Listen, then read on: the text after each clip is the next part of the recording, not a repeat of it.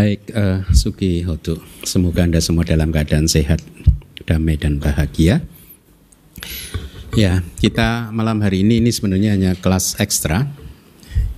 Ya, karena permintaan dari salah satu murid untuk menjelaskan proses uh, klaster materi. Jadi di sini nanti Anda akan belajar tentang urutan kemunculan materi atau proses dari mat klaster materi sejak dari kelahiran kembali dan juga ada, ada kematian kali ya sampai kematian dan juga dalam pencapaian kelenyapan, penghentian niroda samapati dan lain-lain ya.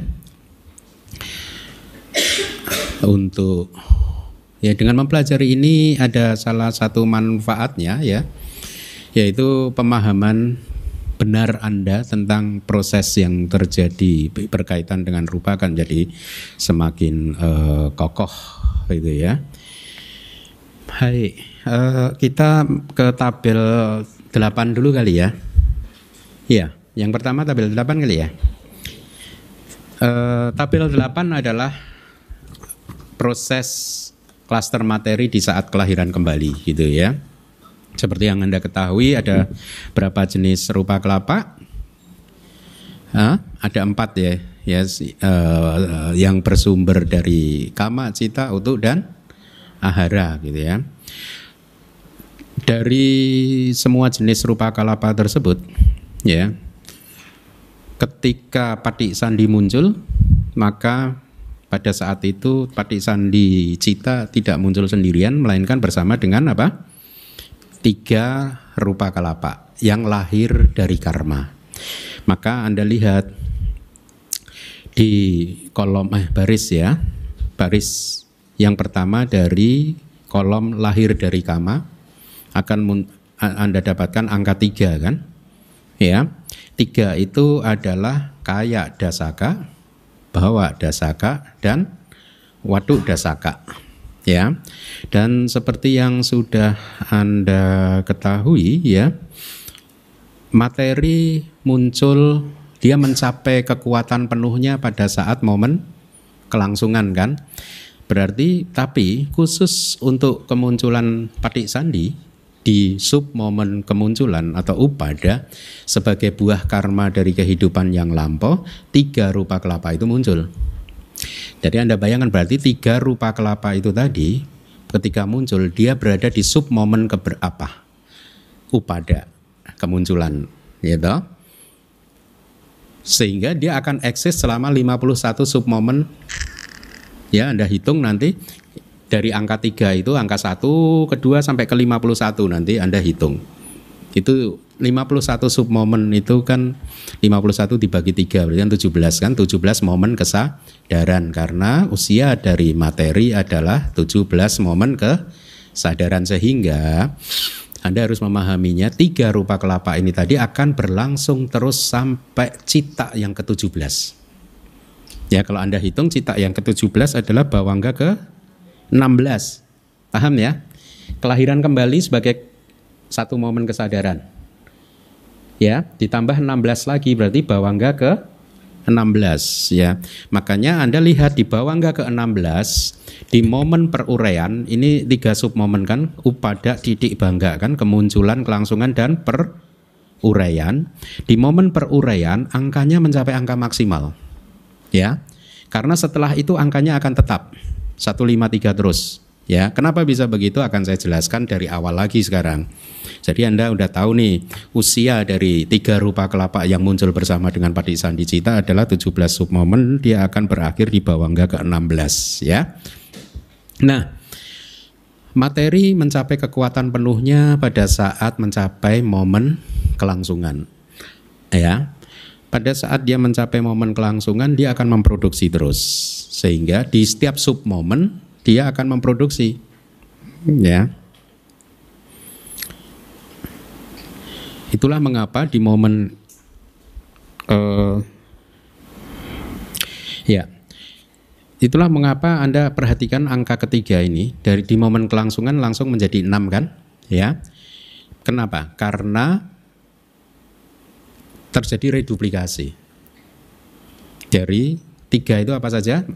Kaya dasaka, bawa dasaka, watu dasaka. Ya, tiga itu terreduplikasi terus. Ya, sampai ke yang bawangga yang ke-16 itu tadi.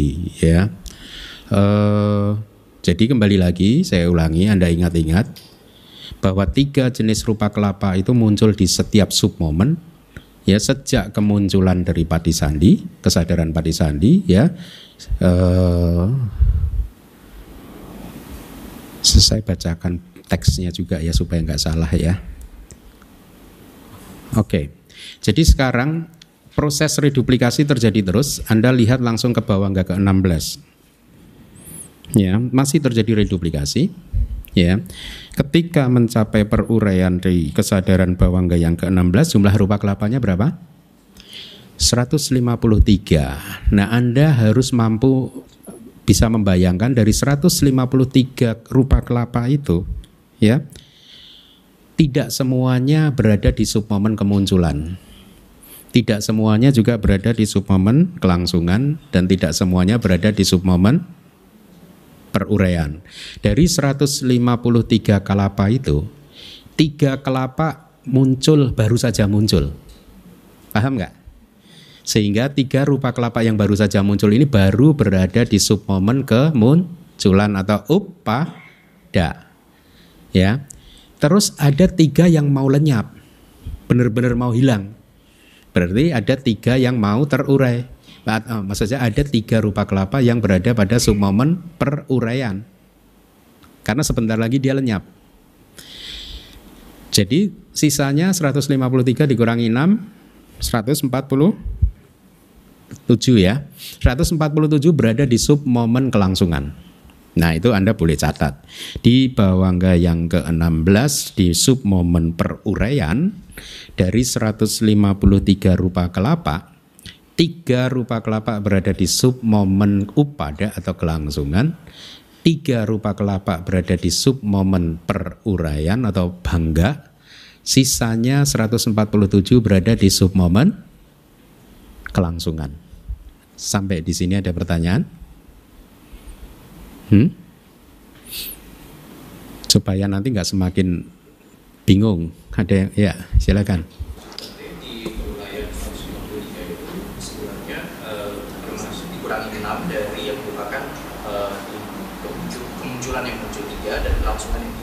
Nah, eh, peruraiannya hanya tiga. Yang mau mau lenyap sama sekali sudah masuk ke sub momen peruraian. Jadi begini begini.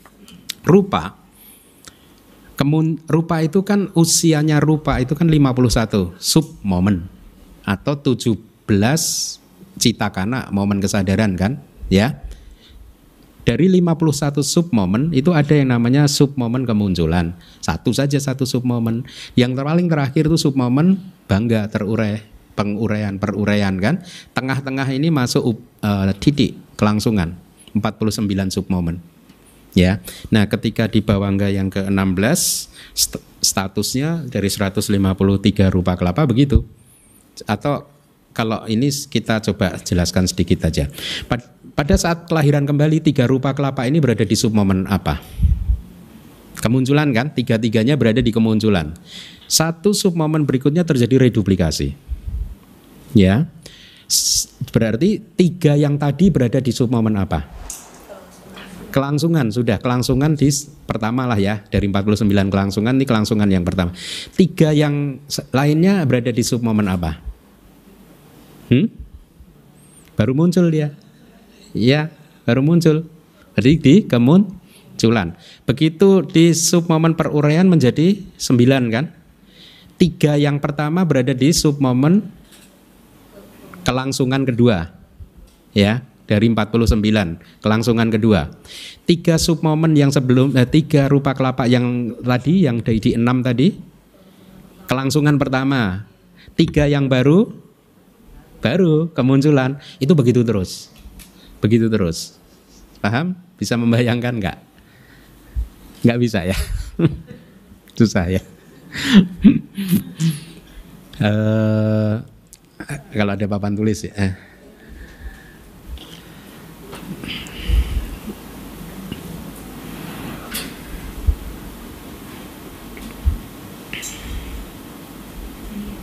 Hmm, boleh boleh. Bentar, saya mikir mikir metode menjelaskannya. Itu. Hah? Hah. Tiga. Tiga, tiga, tiga, tiga, tiga. Oke.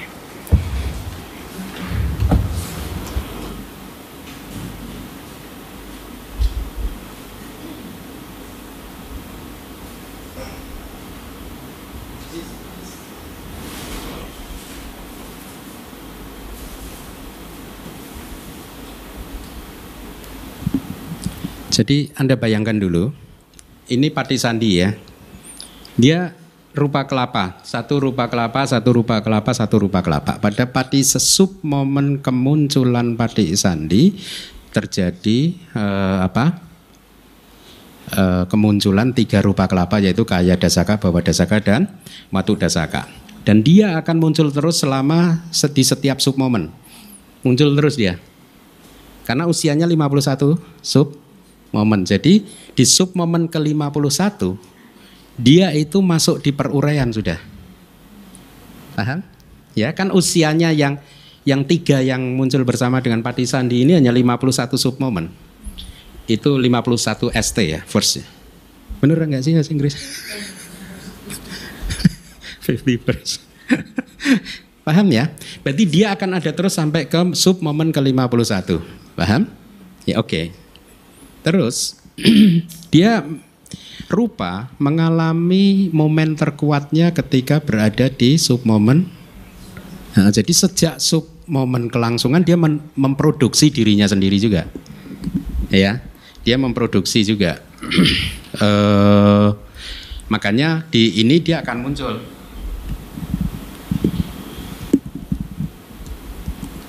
Saya beri warna beda ya.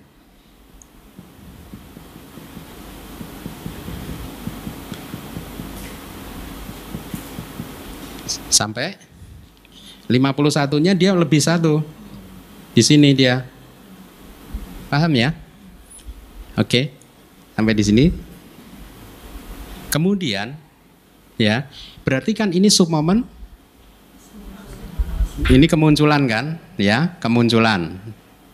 Ya, dia belum memproduksi materi ketika dia masuk di sub momen per ure, eh, kelangsungan baru memproduksi materi. Berarti dia menduplikasinya di momen ini nih. Harusnya merah nih. ada merah? Saya ada sih di situ. Ups, ups, ups, ups, ups.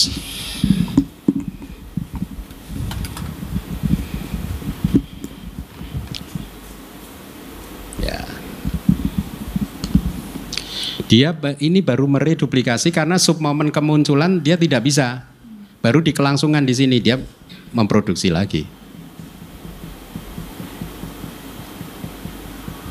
Terus sampai 51-nya lebih bawah lagi. Ya toh? Berarti ini tiga submomen sudah. Ya. Tiga submomen dari Patisan Dicita.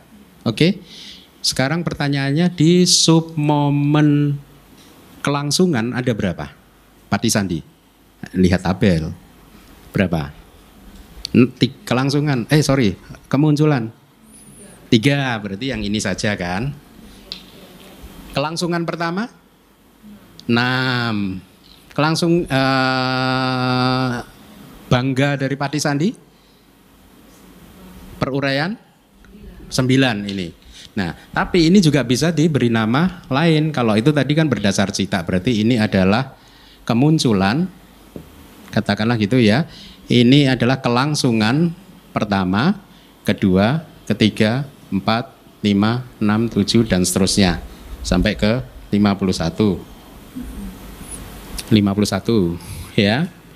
Kemudian ini adalah kemunculan ini adalah kelangsungan pertama, kedua, ketiga, keempat. Ini kemunculan, ini kelangsungan pertama, kedua, ketiga, keempat. Terus nanti di sini juga dia akan akan semakin turun terus. Terus sampai ke 51 di sini. Belum, masih. Iya, setelahnya lenyap. Dia masih eksis.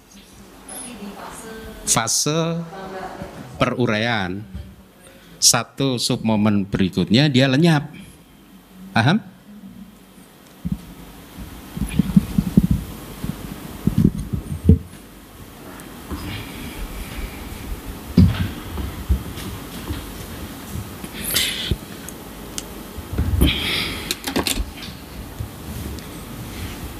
Ada pertanyaan?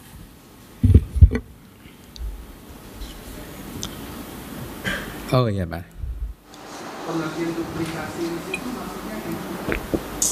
Hmm?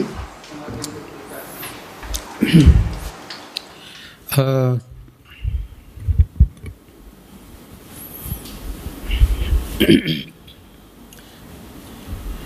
begini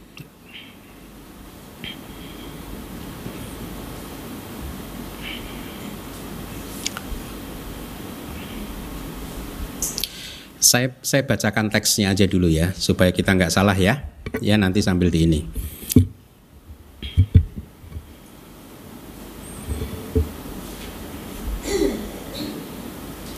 Jadi anda ikuti apa yang saya ini kan ya didengarkan baik-baik.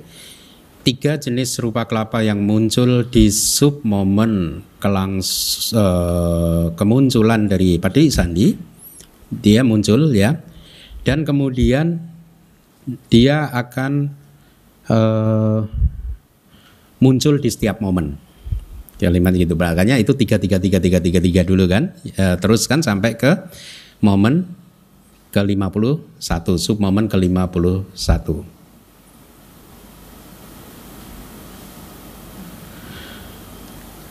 pada sub momen peruraian dari kesadaran bawangga yang ke-16 setelah kesadaran penyambung kelahiran kembali maka terdapat 153 rupa kelapa. Benar ya?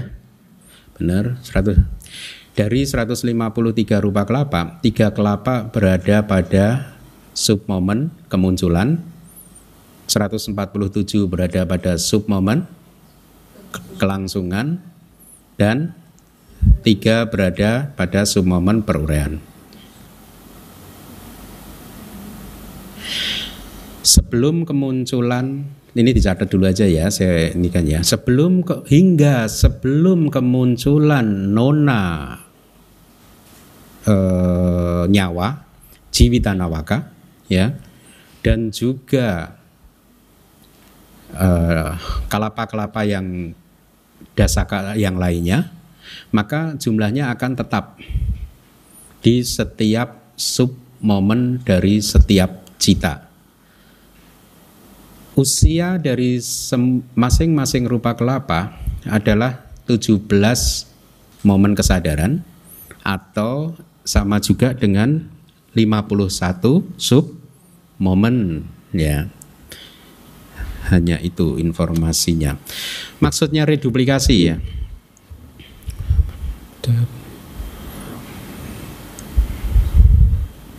Di buku yang bahasa Indonesia ada nggak Aling? Enggak tertulis juga ya. Yang manual 6 itu ya. Nah, ya. Iya, yang dimaksud dengan reduplikasi itu. Saya supaya nggak salah. Di manual ke-6 udah saya tulis belum? Nggak ada ya. Hmm. Jadi bukan reduplikasi Hmm, hmm, hmm, itu yang saya anggap dengan rupa kelak. Ya, makanya saya lagi ini penjelasannya yang akurat.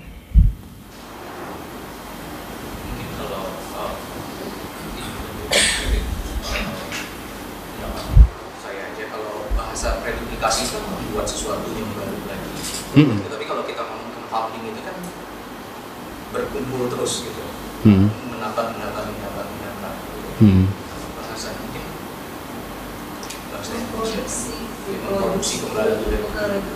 Enggak sih, eh, itu reduplikasi lagi juga sih. Karena begini Pak Aris, tiga rupa kelapa yang lahir di submomen kemunculan padi sandi itu adalah buah dari satu karma benih karma dari kehidupan lampau Ya. Jadi ada satu karma dari kehidupan lampau berbuah persis di momen e, bersamaan dengan pati sandi. Ya. Karma tersebut dia akan terus berbuah di setiap sub momen. Jadi karma yang sama, makanya saya menggunakan istilah reduplikasi sih. Enggak salah juga sih, ya meskipun itu bahasa modern. Jadi karma dari kehidupan lampau itu ya mampu memberikan buah tiga rupa kelapa dengan terus memunculkan yang baru di setiap sub momen sampai di sub momen ke-51 gitu. Maksud saya sampai di sub momen ke-51 ini sebenarnya ini seumur hidup bahkan. Di situ ada nyawanya itu di situ itu masing-masing itu. Ya ini seumur hidup tetapi sampai di sub momen ke 51 jumlahnya konstan tetap karena tiga yang awal lenyap, tiga yang baru muncul, tiga yang awal lenyap, tiga yang baru muncul terus konstan. Makanya angkanya akan 153 terus. Jadi itu yang dimaksud dengan reduplikasi. Sebuah karma masa lalu yang menghasilkan kelahiran kita saat ini, tiga rupa kelapa yang muncul bersama dengan padi sandi, dia mempunyai kekuatan seumur hidup akan memunculkan tiga rupa kelapa, tiga rupa kelapa baru terus di sub momen itu. Gitu. Makanya tiga tiga tiga terus tambah tiga terus ya. Yaitu tadi kaya dasaka bawa dasaka dan waduk dasaka. Oke? Okay? oke okay, Pak Aris?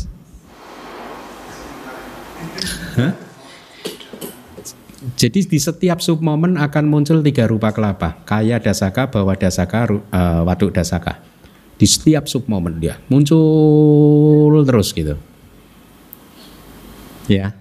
Tetapi anda semua harus tahu 153 katakanlah 6 ini tadi tiga berada di sub momen apa tiga berada di sub momen apa sembilan itu tiga berada di sub momen apa yang lain harus mampu membayangkan begitu makanya Tadi udah saya beri contoh 369 udah saya beri contoh, 153 udah saya beri contoh ya.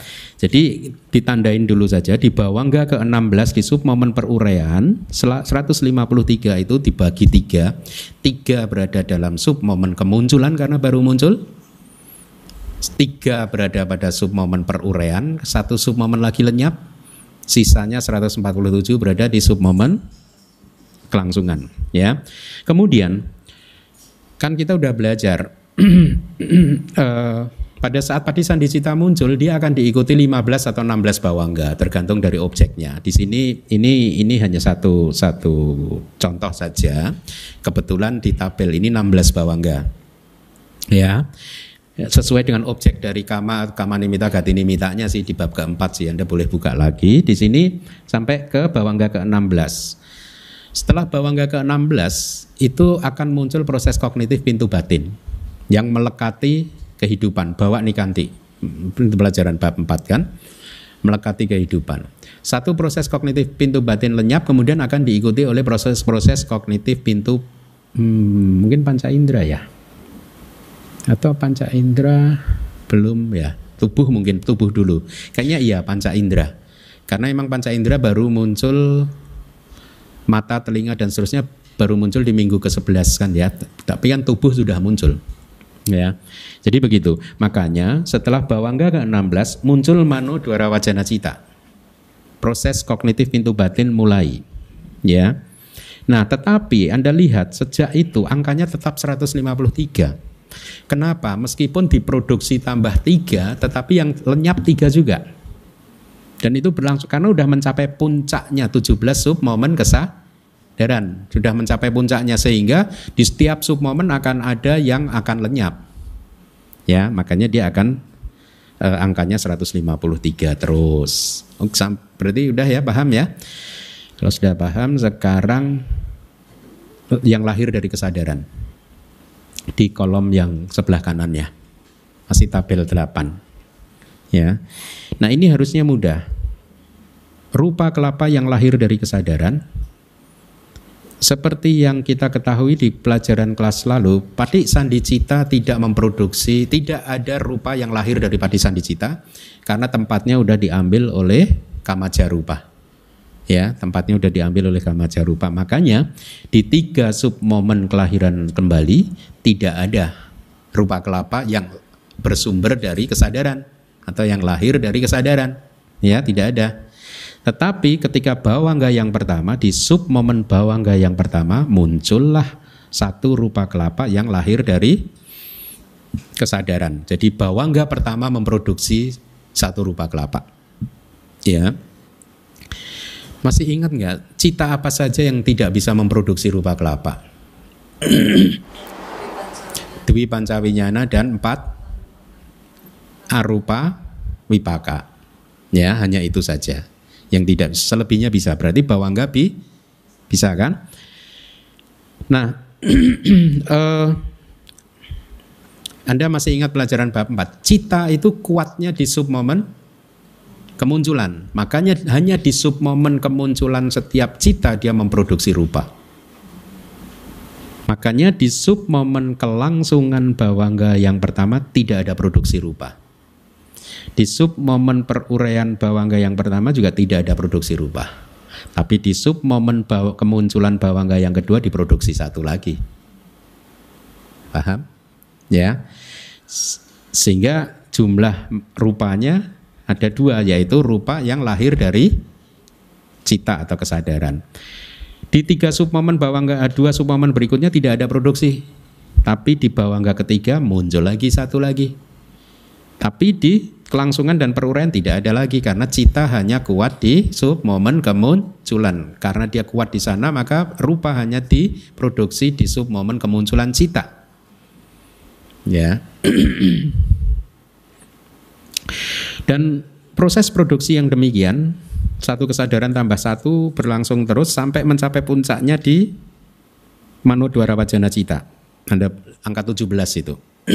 ya, angka 17 di sub momen kemunculan eh, kemunculan Manodwara Wajana Cita, jumlah dari rupa kelapa yang lahir dari kesadaran ada 17. Dia mencapai puncaknya dia. ya. Dia mencapai puncaknya, itulah mengapa setelah lenyapnya Manodwara Wajana Cita kan Jawana yang pertama kan muncul tujuh Jawana nih sebenarnya ya tapi di tabel hanya disebutkan Jawana yang pertama ya Jawana memproduksi cita jarupa ya tapi kenapa jumlahnya nggak 18 karena ada yang lenyap yang satu yang pertama tadi itu lenyap ya yang cita jarupa yang muncul di bawangga pertama lenyap. Itulah mengapa jumlahnya tetap 17. Di Jawana yang kedua juga memproduksi satu cita jarupa. Harusnya juga 18, enggak juga karena di kesadaran yang diproduksi atau muncul di bawangga yang kedua udah lenyap. Jadi jumlahnya akan konstan terus seperti itu. Ada pertanyaan di sini? Sebelum kita masuk ke kolom berikutnya. Paham ya? Oke, sekarang kita masuk ke kolom yang ketiga yang lahir dari temperatur. Kelapa yang lahir dari temperatur itu tidak lain adalah lahir dari elemen api. Ya. Seperti yang Anda ketahui, elemen api eksis atau ada di tiga rupa kelapa yang lahir dari karma. Anda ikuti pelan-pelan ya. Yang tadi kaya dasaka, bawa dasaka dan watu dasaka itu kan isinya 10 materi kan. 10 materi itu kalau Anda ingat salah satunya adalah karena kan 8 yang tidak terpisahkan kan. Empat maha buta yaitu Patawi Abote Jowayo, kemudian Wanak Ganda Rasa Oja, kemudian Jiwita dan yang ke-10 adalah kalau ini apa tadi? Ini kita bicara apa tadi? Kayak ya, kayak berarti tubuh. Ya, kayak apa saja. Kalau bawa ya jenis kelamin. Kalau ada waktu ya landasan jantung gitu ya. Nah, Anda lihat dari 10 materi itu salah satunya adalah elemen api. Elemen api ini memproduksi rupa kelapa. Ya.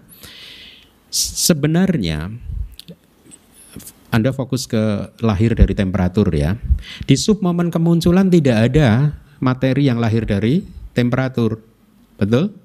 Itu kan di tabelnya kan nggak ada kan? Sesungguhnya elemen api sudah ada nih di situ di submomen itu. Kenapa kok masih kosong di sini? Karena dia masih di submomen kemunculan. materi tidak cukup kuat untuk memproduksi karena dia berada di submomen kemunculan ya makanya baru di submomen kelangsungan dia muncul jadi angka tiga itu adalah submomen kelangsungan yang pertama oke okay? Dia muncul di produksi tiga itu berarti apa tiga ini adalah masing-masing rupa kelapa yang lahir dari temperatur yang berkaitan dengan kaya dasaka. Satu. Kedua, rupa kelapa yang lahir dari temperatur yang berkaitan dengan bawa dasaka, jenis kelamin. Ketiga adalah rupa kelapa yang berkait uh, yang lahir dari temperatur yang berkaitan dengan kaya dasaka. Kayak bawa waduk dasaka. Ya. Paham ya? Tiga itu. Dan dia akan diproduksi terus kemudian setiap submomen. Makanya prosesnya sama. Tiga, enam, sembilan. Nah sekarang pertanyaannya, kok itu ada? Uh, anda Anda perhatikan nggak ada yang aneh nggak di situ? Hmm? 13 ya. Kenapa aneh? Hmm? Harusnya 12 Tapi ditambahin dari sana Ya, bagus Harusnya berapa? Anda merasa aneh enggak? Apa tuh anehnya apa?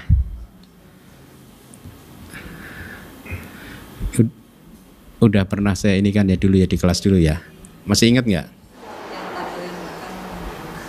Tabel yang belakang yang ya pelan-pelan Oke, yang lain memperhatikan nggak ada yang aneh? Kenapa 13? Kenapa tidak 12? Kan harusnya tambah 33 terus kan? Kok 3, 6, 9, 13? Hmm? Paham?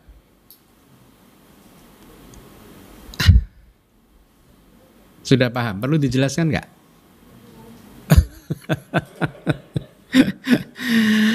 Baik, sebenarnya prosesnya akan bertambah tiga terus semua. Ya, jadi harusnya 3, 6, 9, 12. Tetapi tambahan satu itu adalah kalapa yang lahir dari temperatur yang diproduksi oleh cita. Ya, yaitu bawangga pertama. Bawangga pertama itu kan memproduksi di submomen kemunculan dia memproduksi satu rupa kelapa yang lahir dari cita. Ya. Artinya di sub momen kemunculan bawangga pertama itu sesungguhnya ada satu elemen api, tapi dia baru berada di sub momen kemunculan jadi, jadi tidak memproduksi rupa kelapa. Baru ketika dia sudah masuk ke sub momen kelangsungan, sejak saat itu dia akan memproduksi terus di setiap sub momen. Makanya ya di sana dia ditambah satu.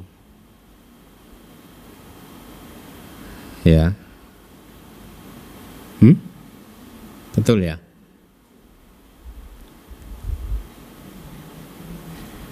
Tapi kemudian kenapa tambah tiga lagi?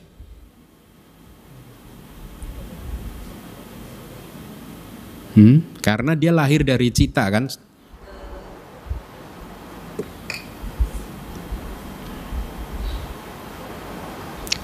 Oh, saya tahu. Saya tahu. Ini sebenarnya tabel ini bukan saya yang membuat tabel ini dari tradisi Myanmar. Ya, tabel ini dari tradisi Myanmar yang Anda tidak akan pernah bisa temui di negara di luar Myanmar. Ya, eh, saya copy. Nah, tabel ini dibuat hanya untuk alat bantu kita untuk membayangkan saja. Sehingga kalau dikatakan sempurna tidak juga. Tetapi ini membantu kita untuk membayangkan kira-kira proses rupa kelapa itu seperti apa. Seharusnya ya utuja kelapa atau rupa kelapa yang lahir dari temperatur yang diproduksi oleh cita, dia juga akan memproduksi terus submomen di submomen berikutnya. Harusnya akan ditambah-tambah-tambah terus nggak hanya tiga, tapi dihentikan oleh Sayado di sana. Itu hanya untuk penanda saja, karena kalau enggak nanti akan bertumpuk-tumpuk banyak Anda makin bingung. Tapi Anda harus memahaminya satu utu uh, satu rupa kelapa yang lahir dari temperatur yang diproduksi oleh cita itu dia bertambah terus nih satu satu satu di setiap submomen harusnya. Ya, tapi sama seado tidak ditulis supaya kita tidak bingung. Tapi di submomen kelangsungan itu ditambah menjadi empat ditambah satu lagi hanya untuk penanda kita bahwa sejak ini akan muncul satu cita jarupa eh, yang lahir dari temperatur yang diproduksi oleh cita. Paham maksud saya? Ya. Hah? Utu jarupa yang berkaitan dengan cita. Hmm. Makanya setelah itu tetap aja jumlahnya tambah tiga, bukan ditambah empat, ya, karena supaya kita nggak bingung. Makanya terus 16, 19, kemudian di sub momen kelangsungan bawangga yang kedua tambah satu lagi, tambah empat jadinya, bukan tambah tiga. Kenapa? penjelasannya seperti yang tadi. Sesungguhnya kemunculan bawangga yang kedua juga menghasilkan rupa kelapa yang lahir dari temperatur. Ya, karena di kemunculan bawangga yang kedua di sana ada elemen api, tetapi pada saat sub momen kemunculan elemen api belum mencapai puncaknya sehingga dia tidak memproduksi rupa kelapa. Hanya di sub momen yang kelangsungan dia memproduksi satu lagi di setiap kelangsungan. Tapi pengertiannya karena ya dia sudah masuk ke kelangsungan yang pertama itu. Selanjutnya akan tambah tiga tiga tiga terus di sub momen setiap sub momen kelangsungan ditambah satu lagi, maka ditambah empat, ya. Sampai kemudian dia mencapai puncaknya adalah di bawangga yang ke 17. Kenapa enggak ke 16? Karena mulainya baru di uh, huh? Pati Sandi yang kelangsungan. Dia pun mencapai puncaknya itu di kelangsungan Bawangga ke-17. Oh ini Manodwara ya. sorry sorry ini tabel aslinya itu malah salah sebenarnya. sorry sorry saya membaca tabel aslinya ini, enggak yang di sini. Oke, okay, ya bagus. Berarti di Mano Dwara Wajana Cita sejak itu dia akan terus sama terus, paham ya? Kenapa sama terus? Karena ada yang lenyap, ada yang masuk, seperti yang tadi. Ya, ada pertanyaan sampai di sini?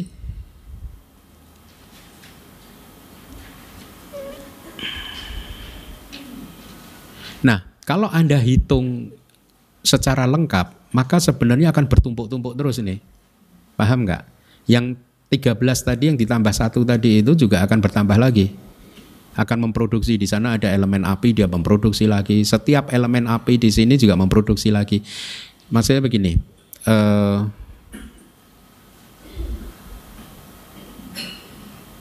Iya. Ini belum ditambah ada satu lagi kelahiran apa? Materi yang lahir dari apa? Ahara. Kenapa nggak ditambahkan di sini? Anda tahu nggak alasannya? Karena belum makan bener. Bener.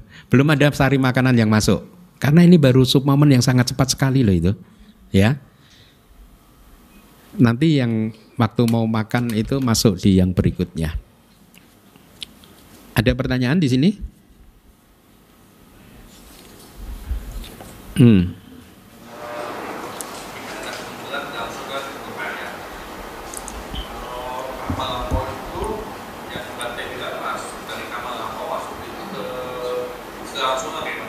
Apa? Kamaja. Memproduksi rupa kelapa. Kemunculan, kemunculan kan itu tiga muncul tuh. Hmm. Tiga kan itu langsung dari sejak dari kemunculan kan? Hmm. Ya. Ada lagi pertanyaan? Kalau tidak ada, kita masuk ke yang berikutnya yaitu apa nih? Cluster nona nyawa. Nyawa ini nanti Anda baca penjelasan saya. Kenapa saya kok jiwita saya terjemahkan nyawa, bukan kehidupan. Ya di Indonesia kan dikenalnya jiwita itu kehidupan, nggak salah, tapi ternyata lebih tepat nyawa. Nanti ada di penjelasan di buku manual ke-6. Jadi ini adalah jiwita nawaka. Tradisi dari kitab komentar ya menyatakan bahwa klaster nona nyawa atau jiwita nawaka itu muncul di makhluk-makhluk lingkup indriawi sebagai deka tubuh. Deka tubuh itu adalah kayak da saka. Dia tersebar di seluruh tubuh kita. Ya, persis setelah kemunculan kesadaran eh, penyambung kelahiran kembali. Ya. Ya dan senantiasa muncul di setiap sub momen dari eh, kesadaran. Ya, jadi ilustrasinya Anda bisa lihat di di tabel ya.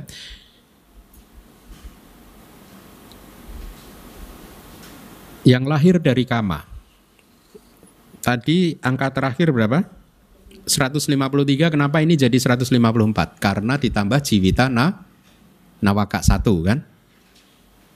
Ya maka satu klaster nona nyawa maka didapat uh, eh, 154 dan dia akan bertambah terus itu sampai ke kesadaran ke-17 harusnya. Ini sayang tabelnya nggak ada, kita lupa ya kemarin ya. Cita satu, cita dua gitu ya harusnya ya, lebih memudahkan ya. ya, kalau anda hitung dua dari bawah ya.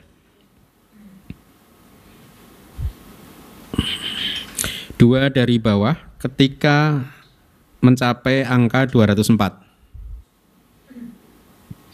Hmm? Iya ya. Kenapa jadi 204? 4, 5, 6, 7, 8, 9. Oh, karena 51. Ya toh, ditambah 51 kan? Atau 50 ya. Oke, cita yang dua dari bawah 204, kemudian cita yang berikutnya angka dan seterusnya angkanya tetap maaf. Kenapa? Karena satu lenyap, satu muncul. Seperti tadi. Ya, karena udah mencapai puncaknya yaitu 17 sub momen kesadaran.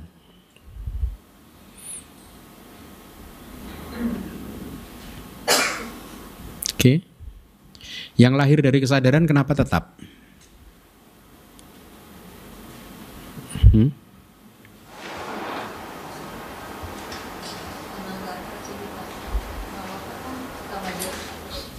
Pinter. ya. Kita uh, masih ingat nggak pelajaran bab ke eh, bab 6 ya? Ada berapa rupa kelapa yang lahir dari karma? Sembilan. Yaitu apa? Lima pasada. Oh, sembilan jenis rupa ya. Lima pasada, dua bawa, satu jiwita, dan satu hadaya, sembilan. Jadi nyawa itu lahir dari karma. Ya. Makanya di kesadaran ini dia tidak diproduksi.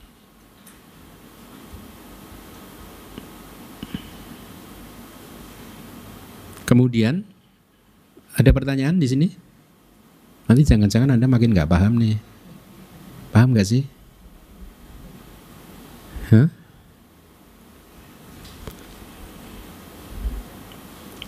Kita lihat di kolom yang sebelah kanannya. Ketika klaster nona nyawa atau jiwita nawaka itu muncul, ya, berarti kan satu klaster itu terdiri dari berapa? Sembilan individu materi ya dari sembilan individu materi ada elemen api tidak di dalamnya? Ada, ada elemen api. Elemen api ini menghasilkan klaster yang lahir dari temperatur. Ya, tapi dia baru menghasilkannya di sub momen kelangsungan. Di sub momen kemunculan tidak, makanya dia 170 sama dengan yang tabel sebelumnya. Oke? Paham ya? Baru di submomen kelangsungan cita yang paling atas itu dia ditambah satu dan di setiap submomen cita berikutnya eh, setiap submomen berikutnya ditambah satu satu satu terus mencapai puncaknya sama harusnya dengan tadi di cita yang terakhir ini. Kalau Anda hitung dia akan mencapai itu sudah mencapai 17 submomen atau 51 submomen kalau Anda hitung. 51 submomen itu didapat di submomen kemunculan cita yang terakhir. Kalau Anda hitung. Makanya dia angkanya puncak dia 221 itu. Satu submomen berikutnya di submomen kelangsungan jumlahnya tetap seperti tadi karena satu lenyap satu diproduksi dan seterusnya. Oke.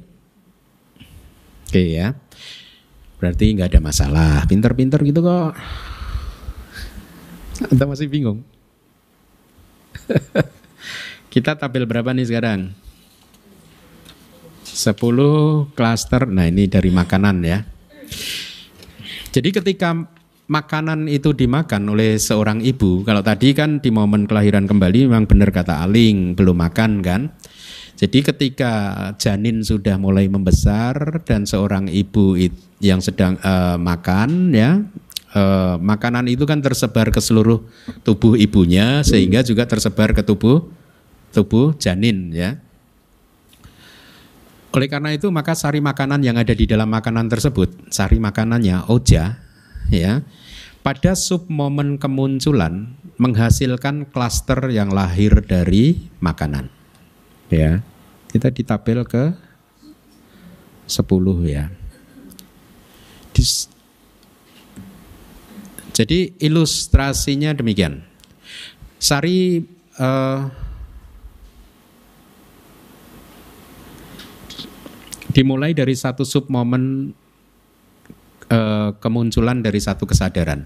Satu sari makanan yang terkandung di dalam makanan yang dimakan oleh uh, seorang ibu menghasilkan klaster yang lahir dari makanan pada setiap sub momen. Makanya sejak cita yang paling atas itu satu, dua, tiga dan seterusnya. Yang satu yang di kemunculan cita pertama itu itu bukan yang It, it, dari dari ibu, ibu. Uh, belum memproduksi kan? Uh, enggak sudah. Jadi ini kan hanya untuk mempermudah ilustrasi kita.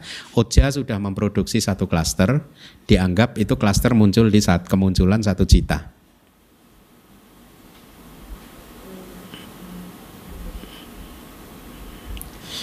Klaster yang lahir dari makanan. Klaster yang lahir dari makanan itu apa? Ya, itu itu arah. Uh, mana ganda rasa oja? Ya awini boga ini. Hmm. Itu kan Hmm. Sub momen kekuatannya kelangsungan. Nah, berarti yang sebenarnya yang dihasilkan itu yang di di kelangsungan jadi yang satu ini ini memang hanya asumsi. kayak tadi yang pas pati sapi ada tiga Nah, ini as diasumsikan di se- sebuah kemunculan cita diproduksi satu rupa kelapa yang lahir dari makanan. Diasumsikan. Jadi ini tabel ini hanya untuk membantu kita membayangkan proses. Sehingga kenapa kita punya tubuh sebesar ini. Ya. Nah, kalau kalau ada orang yang tubuhnya gede dan kecil, gendut dan enggak gimana nanti ya? Karena makanannya banyak ya. Numpuknya banyak. Hmm? Kata siapa dulu seandainya seandainya nyamuk itu yang dihisap bukan darah tapi lemak enak ya. Oke kembali lagi paham? Paham ya? Jadi ini yang lahir dari makanan 1, 2, 3, 4 ini hanya diasumsikan seperti itu prosesnya. Ketika mencapai 51 submomen dia akan mencapai puncaknya. Makanya di angka 51 itu di cita nomor 2 dari bawah itu harusnya dia udah mencapai 51 submomen. Selanjutnya di cita yang terakhir tiga submomen itu angkanya 51 terus karena satu lenyap satu diproduksi seperti tadi.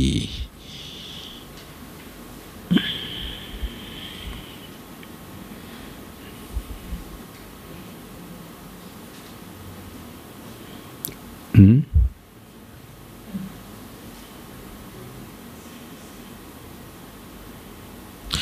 Kemudian Anda lihat yang lahir dari karma ya. Tidak ada penambahan atau pengurangan angka di sana ya. Untuk klaster yang lahir dari karma dan juga klaster yang lahir dari kesadaran ya. Tidak ada penambahan. Akan tetapi klaster yang lahir dari temperatur ya muncul juga di setiap sub momen kelangsungan dari klaster yang lahir dari makanan yang muncul pertama kali. Tadi Anda dapat di tabel 9 yang lahir dari temperatur 221 kan? Di tabel yang ke-10 ini angka yang di submomen kemunculan masih bertahan 221 padahal pada saat itu sudah ada elemen api itu muncul tapi dia belum menghasilkan rupa kelapa karena masih berada di submomen kemunculan. Satu submomen berikutnya dia memproduksi. Makanya satu sub momen berikutnya dan seterusnya bertambah satu, dua, dua, dua, dua, tiga, seterusnya sampai ke angka puncaknya cita yang terakhir itu 272. Kalau Anda hitung, dia di sana sudah mencapai 51 sub momen. Ketika di momen kelangsungan cita yang terakhir, itu tambah satu kurang satu lagi. Berarti tetap angkanya 270 dua.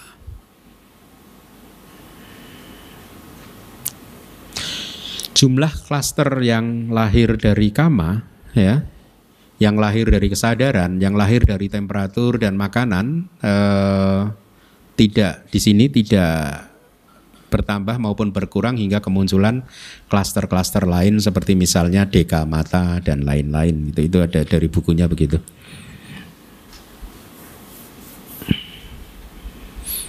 Ada pertanyaan? Kita sampai uh, tabel 11 ya, klaster deka mata dan lain-lain ya. Klaster 11 adalah klaster proses klaster deka mata dan lain-lain dan lain-lain di sini adalah deka telinga, deka hidung dan deka lidah ya. Kenapa deka tubuh tidak termasuk di sini? Karena deka tubuh termasuk dari yang lahir dari kama yang muncul bersama dengan pati sandi tadi, ya. Jadi empat klaster ini yang lahir dari kama yaitu apa tadi? Deka, mata, telinga, hidung dan lidah muncul secara bertahap di minggu ke-11. Ya, ini di buku sudah saya nanti di buku yang terbit di perayaan Waisak sudah saya beri catatan kaki karena ada dua pendapat yang berbeda. Satu guru mengatakan muncul sejak minggu ke-7, satu sejak minggu ke-11. Ternyata Seado lebih condong, Seado Myanmar Seado lebih condong ke minggu yang ke-11 ya.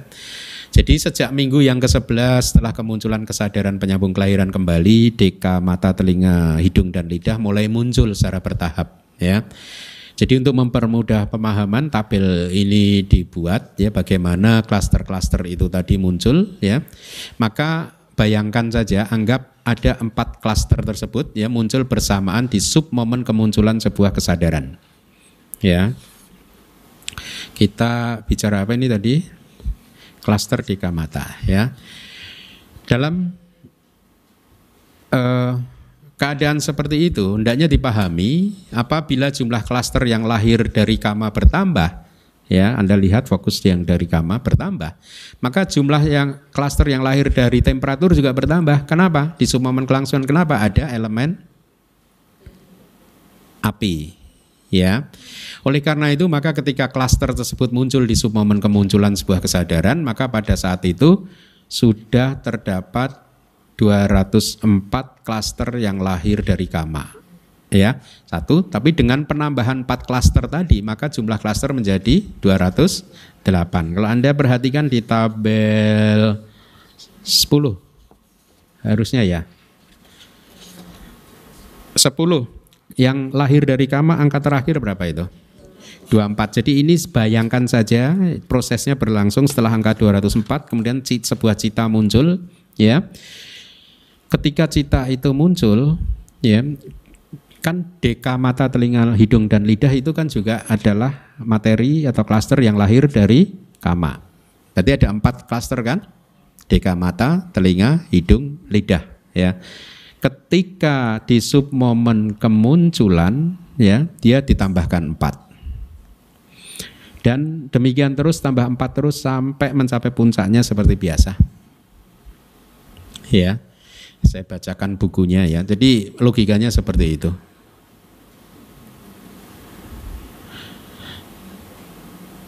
Sementara itu, ini dari bukunya ya.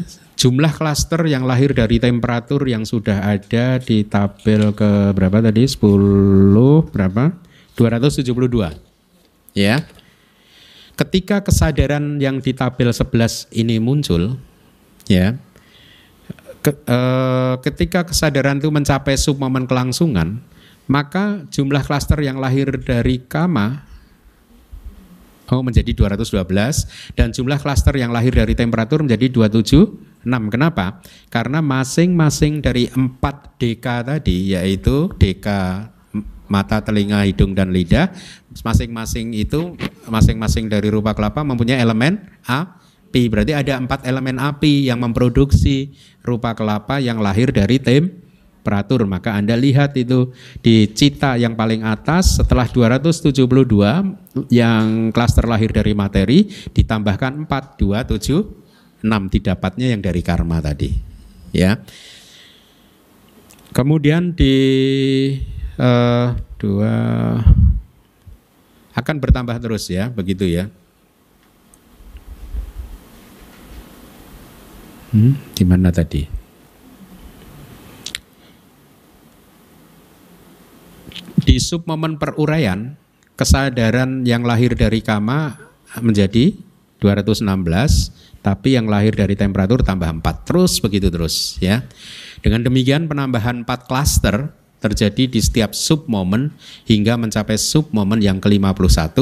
Jadi di sub momen yang ke-51 terdapat 408 klaster. Kalau Anda hitung itu sub momen ke-51 lagi. 48 klaster yang lahir dari kama dan di sub momen berikutnya terdapat 476 klaster yang lahir dari temperatur. 408. Ya. Kenapa bergeser dari peruraian yang temperatur di kemunculan? Logikanya seperti tadi. Ya. Mulai dari awal tadi kan terjadi pergeseran kan antara yang lahir dari kama dan yang lahir dari temperatur. Ya. Selesai lagi dan level 11 udah satu jam tabel 12 ya Tabel 12 bercerita tentang proses klaster materi di pintu panca indera.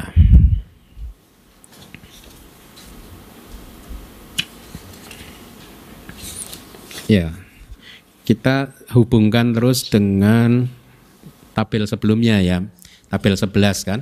Jadi selama proses kognitif pintu panca indera berlangsung ya, rangkaian proses kemunculan dan kelenyapan materi juga berlangsung ya. Seperti yang sudah disampaikan di atas bahwa sepasang kesadaran panca indera kan tidak memproduksi kan? Ya. Sepasang kesadaran dari kesadaran mata, telinga dan seterusnya tidak memproduksi materi ya Eh, dan dengan demikian di sub momen kemunculan kesadaran tersebut hanya terdapat 16 klaster yang lahir dari cita. Nah, menarik kan? Sekarang Anda kita fokus di yang lahir dari kesadaran dulu ya. Tabel 12 cocokkan dengan tabel 11 dulu. Tabel 11 kondisi terakhir materi yang lahir dari kesadaran ada 17 dan itu masih berlangsung ketika Atita Bawangga. 17 terus. Kenapa? Karena yang satu lenyap, yang satu muncul terus gitu ya. Keadaan itu bertahan sampai di panca duara wajana. Tabel 12 Anda lihat. Ya. Di panca duara wajana di tiga sub momen klaster yang lahir dari cita jumlahnya masih 17 terus. Pertanyaannya kemudian, kenapa di kesadaran indera, entah ini mata, telinga, hidung atau apa, kok jadi 16? Ya, satu lenyap tapi nggak ada yang mensubsidi istilahnya gitu. ya. Jadi dia menjadi hanya 16 terus dan dia bertahan terus nih. Bertahan terus sampai ke 17 submomen ya. Saya bacakan bukunya.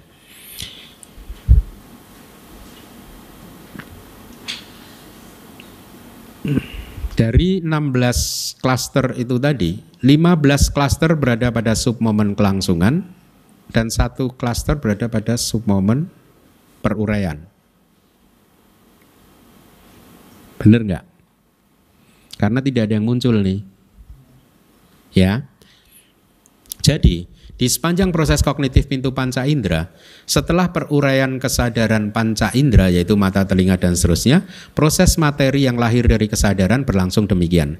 Satu klaster lahir dari kesadaran muncul di sub momen kesadaran penerima yaitu sampaticana ya. Tetapi satu klaster dari 16 klaster yang sebelumnya lenyap. Dengan demikian total klaster yang ada tetap terus sama 16. Demikian juga angka ini bertahan dengan cara yang sama di setiap kemunculan kesadaran-kesadaran selanjutnya di proses kognitif pintu panca indera yang lain ya. Dengan demikian di sepanjang proses kognitif pintu panca indera hanya terdapat 16 klaster yang lahir dari kesadaran. Di submomen peruraian kesadaran yang ke-17 tidak ada satu klaster pun yang berada pada submomen peruraian dan semua klaster berada pada submomen kelangsungan. Paham? Enggak? ya, submomen 17 berarti yang mana? Masih kedua dari bawah ya. Oke. Okay. Uh, cita kan? Cita jaruba kan? Oke, okay yang lahir dari kesadaran. Kita lihat dari atas. Atida Bawangga masih 17. Bawangga celana masih 17. Bawang upaceda masih 17. Panca Dwara Wajana masih 17 karena prosesnya hilang satu tambah satu. Ketika kesadaran panca indera apa pun itu karena dia tidak memproduksi materi itu muncul tidak terjadi produksi rupa kelapa. Oleh karena itu ada satu kesadaran yang lenyap kemudian tidak ada penambahan sehingga jumlahnya menjadi 16 ya. Uh, dari 16 kesadaran ini ya, yang pertama itu tadi disampaikan 15 klaster berada pada submomen kelangsungan dan satu klaster berada pada submomen peruraian. Oh ya. Paham? Ya. Nah, kalau proses ini Anda lanjutkan ya itu tadi sama seperti yang sudah disampaikan.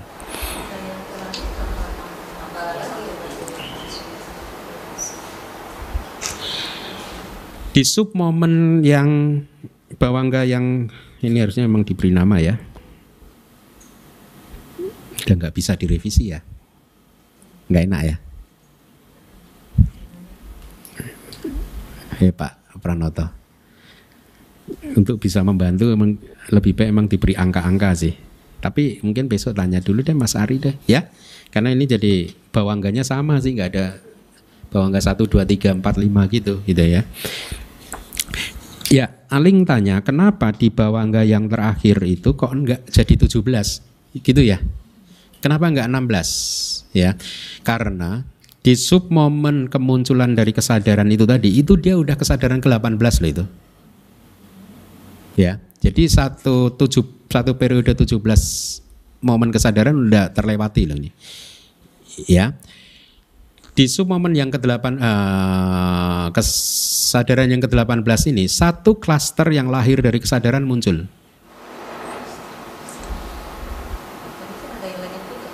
Hmm? Oh, oh ya, dia cuma menumpamakan yang udah udah gitu. Hmm. Ya. Jadi satu klaster yang lahir dari kesadaran muncul dan dengan demikian jumlahnya ber uh, kembali lagi menjadi 17 dan jumlah ini akan tetap terus tidak bertambah dan tidak berkurang.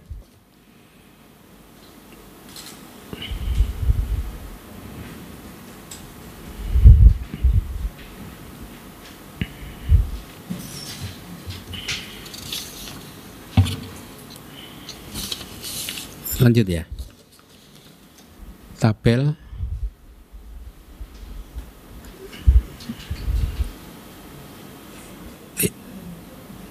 Kenapa?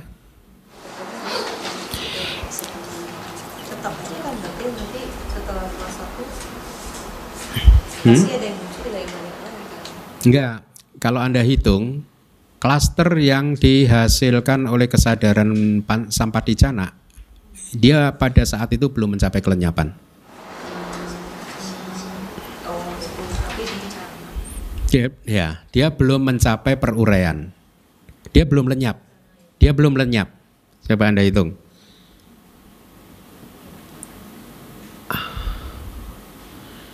Sebenarnya ini lebih bagus ya Pak Pranoto.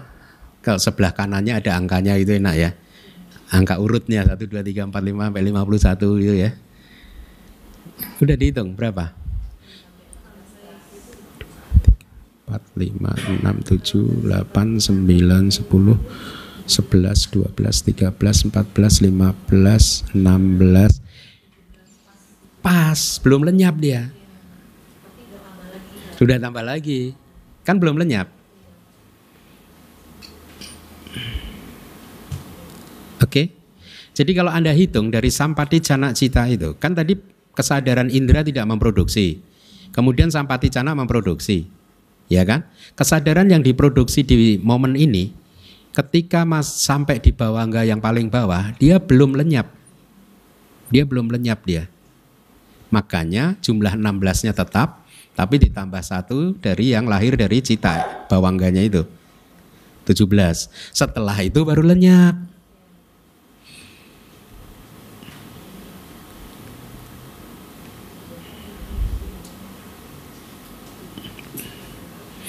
Nanti kalau yang lain nggak paham minta aling kelas ekstra.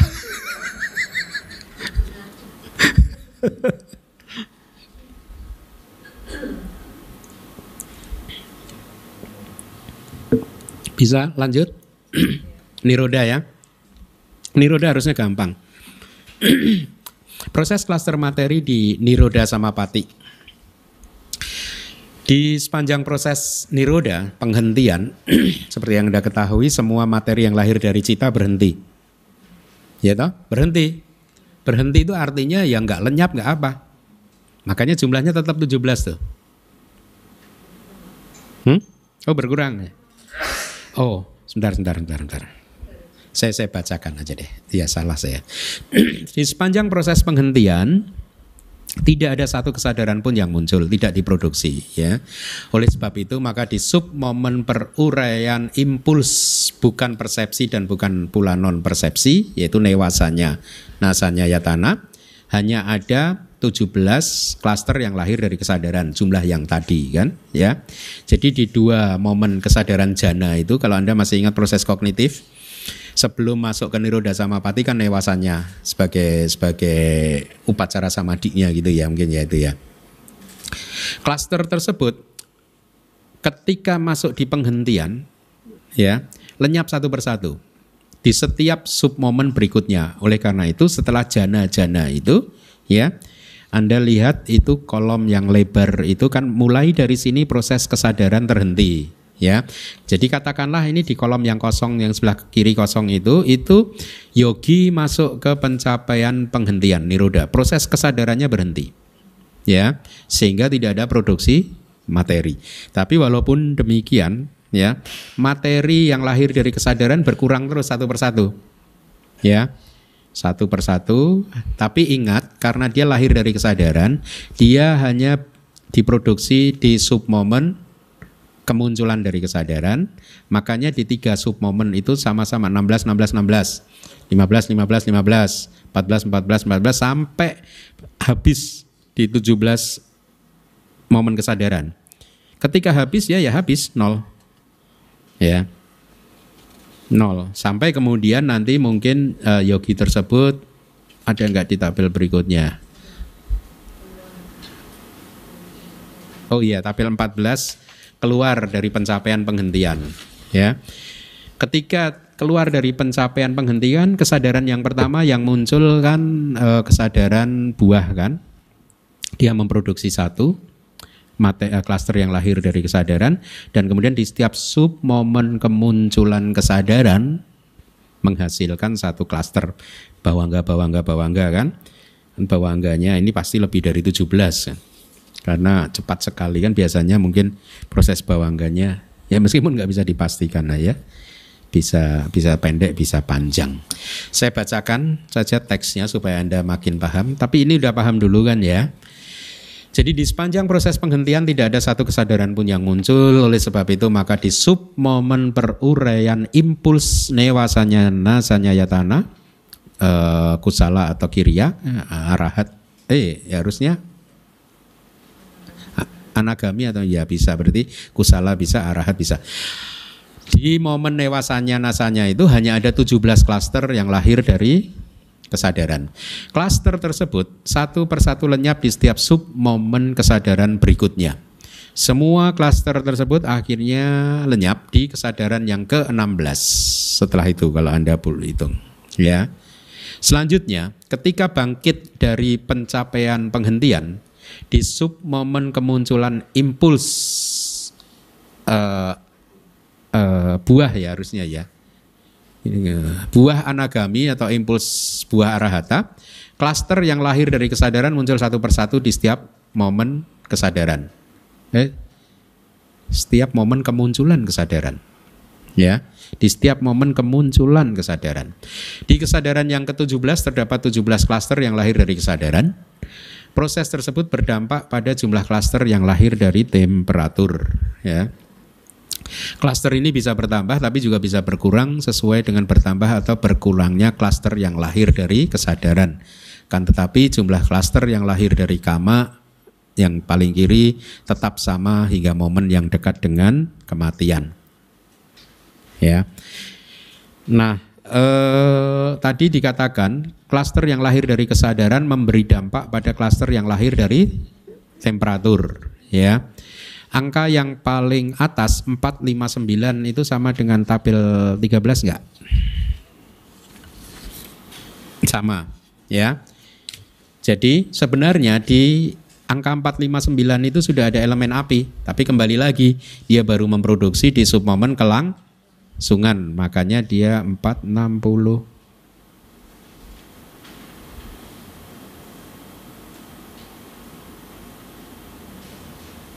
gitu ya. Ada pertanyaan? Kita lanjutkan dulu ya. Tabel 15 momen yang dekat dengan kematian.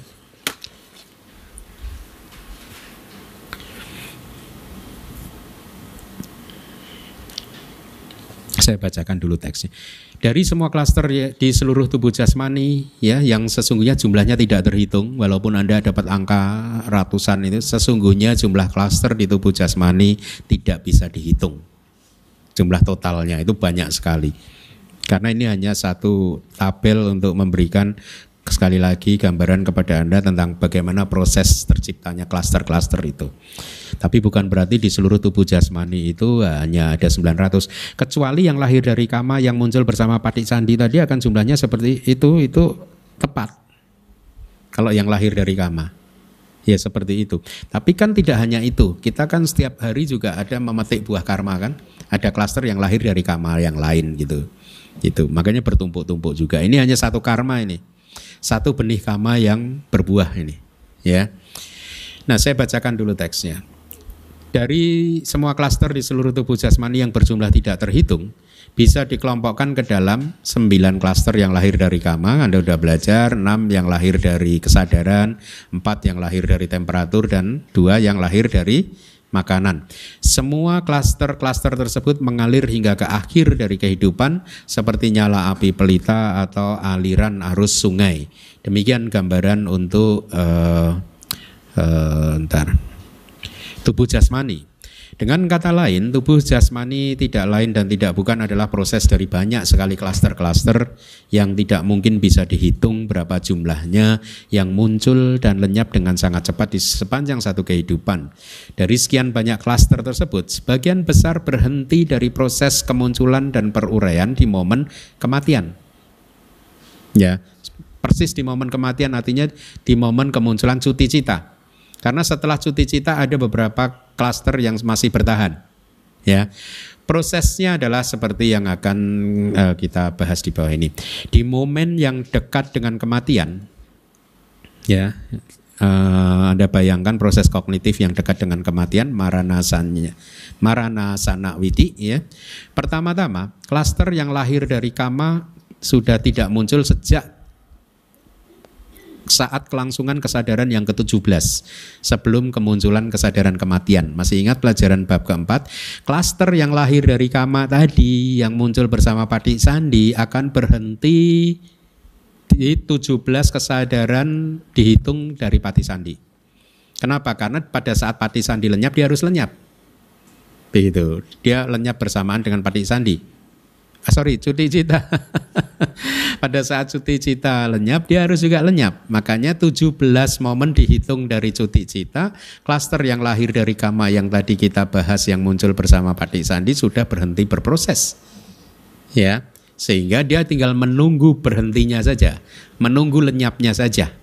Ya. Nah, sejak saat itu jumlah klaster tersebut akan berkurang di setiap momen kesadaran hingga lenyap total, berhenti total di sub momen peruraian kesadaran kematian. Ya. Klaster yang lahir dari kesadaran sudah tidak muncul lagi setelah kesadaran kematian. ya.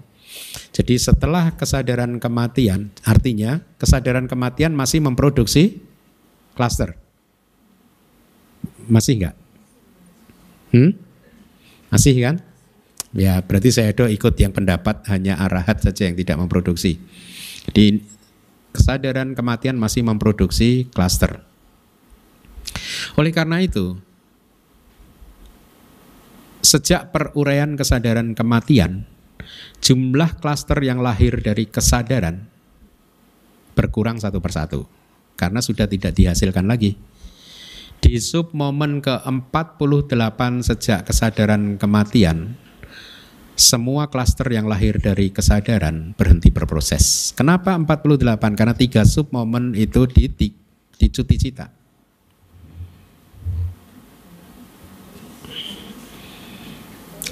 Gini, klaster yang lahir dari kesadaran diproduksi terakhir oleh cuti cita.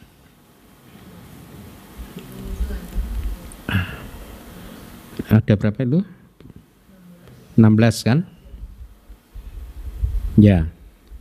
Setelah itu, ya, setelah cuti cita, di sub momen ke-48 sejak lenyapnya kesadaran kematian, semua klaster yang lahir dari kesadaran lenyap, berhenti berproses. Makanya yang lahir di cuti ini kan satu nih, satu momen kesadaran atau tiga submomen ini. 48 lagi itu titik terakhirnya. Setelah itu lenyap semua. Artinya berarti setelah seseorang meninggal dunia ya klaster yang lahir dari cita itu masih berlangsung terus bahkan sampai 48 submomen kesadaran. Ya. Jadi seseorang yang sudah meninggal dunia masih ada proses berlangsungnya materi yang lahir dari cita. Ya. Sementara itu, klaster yang lahir dari makanan mampu terus muncul hingga sub momen peruraian kesadaran kematian. Makanan. Peruraian kesadaran kematian. Ya, dia masih terus muncul oleh karena itu, mereka berhenti secara total hanya di sub momen ke-50 setelah kematian. Setelah kesadaran kematian. Sama sama yang tadi. Kalau tadi 48, ini 50. Karena yang makanan di setiap sub momen diproduksi terus. Kalau cita kan enggak. Cita kan hanya sub momen kemunculan. Kalau makanan kan setiap sub momen. Makanya bedanya begitu kalau tadi 48 ini 50 angkanya. Akan tetapi klaster yang lahir dari temperatur terus bertahan di tubuh jasmani dalam bentuk sebagai mayat. Jadi meskipun seseorang sudah meninggal dunia tubuhnya jadi mayat, makanya kita masih bisa meraba panas dingin karena temperatur eh, klaster yang lahir dari temperatur elemen apinya ya masih bertahan walaupun sudah dalam bentuk mayat. Selanjutnya, proses kemunculan dan kelenyapan klaster yang lahir dari temperatur berlangsung terus-menerus yang berdampak pada perubahan bentuk mayat tersebut. Dari kalau Anda ini ya, kalau mayat itu kan lama-lama membiru, menggelembung, nanti pecah dan seterusnya gitu. Akan berproses terus-terus. Seperti itu Eh, berproses terus habis.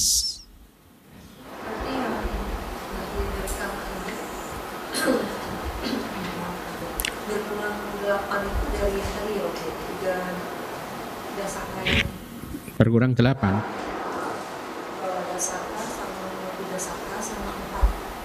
Oh ya, ya ini pertanyaan bagus nih. Kenapa berkurang delapan? Tabel 15 ini kenapa berkurangnya delapan delapan delapan? Apa saja 8 kama jarupa?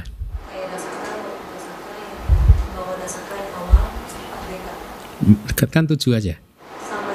Ya bagus. bagus. Jiwita Nawaka. Berkurang 8 adalah tiga, tiga kelapa yang lahir bersama Padi Sandi. Terus empat deka panca indera, yaitu deka mata, telinga, hidung, dan lidah. Berarti tujuh. Satu Jiwita Nawaka. Jiwita Nawaka kan juga lahir dari karma. Bagus, bagus.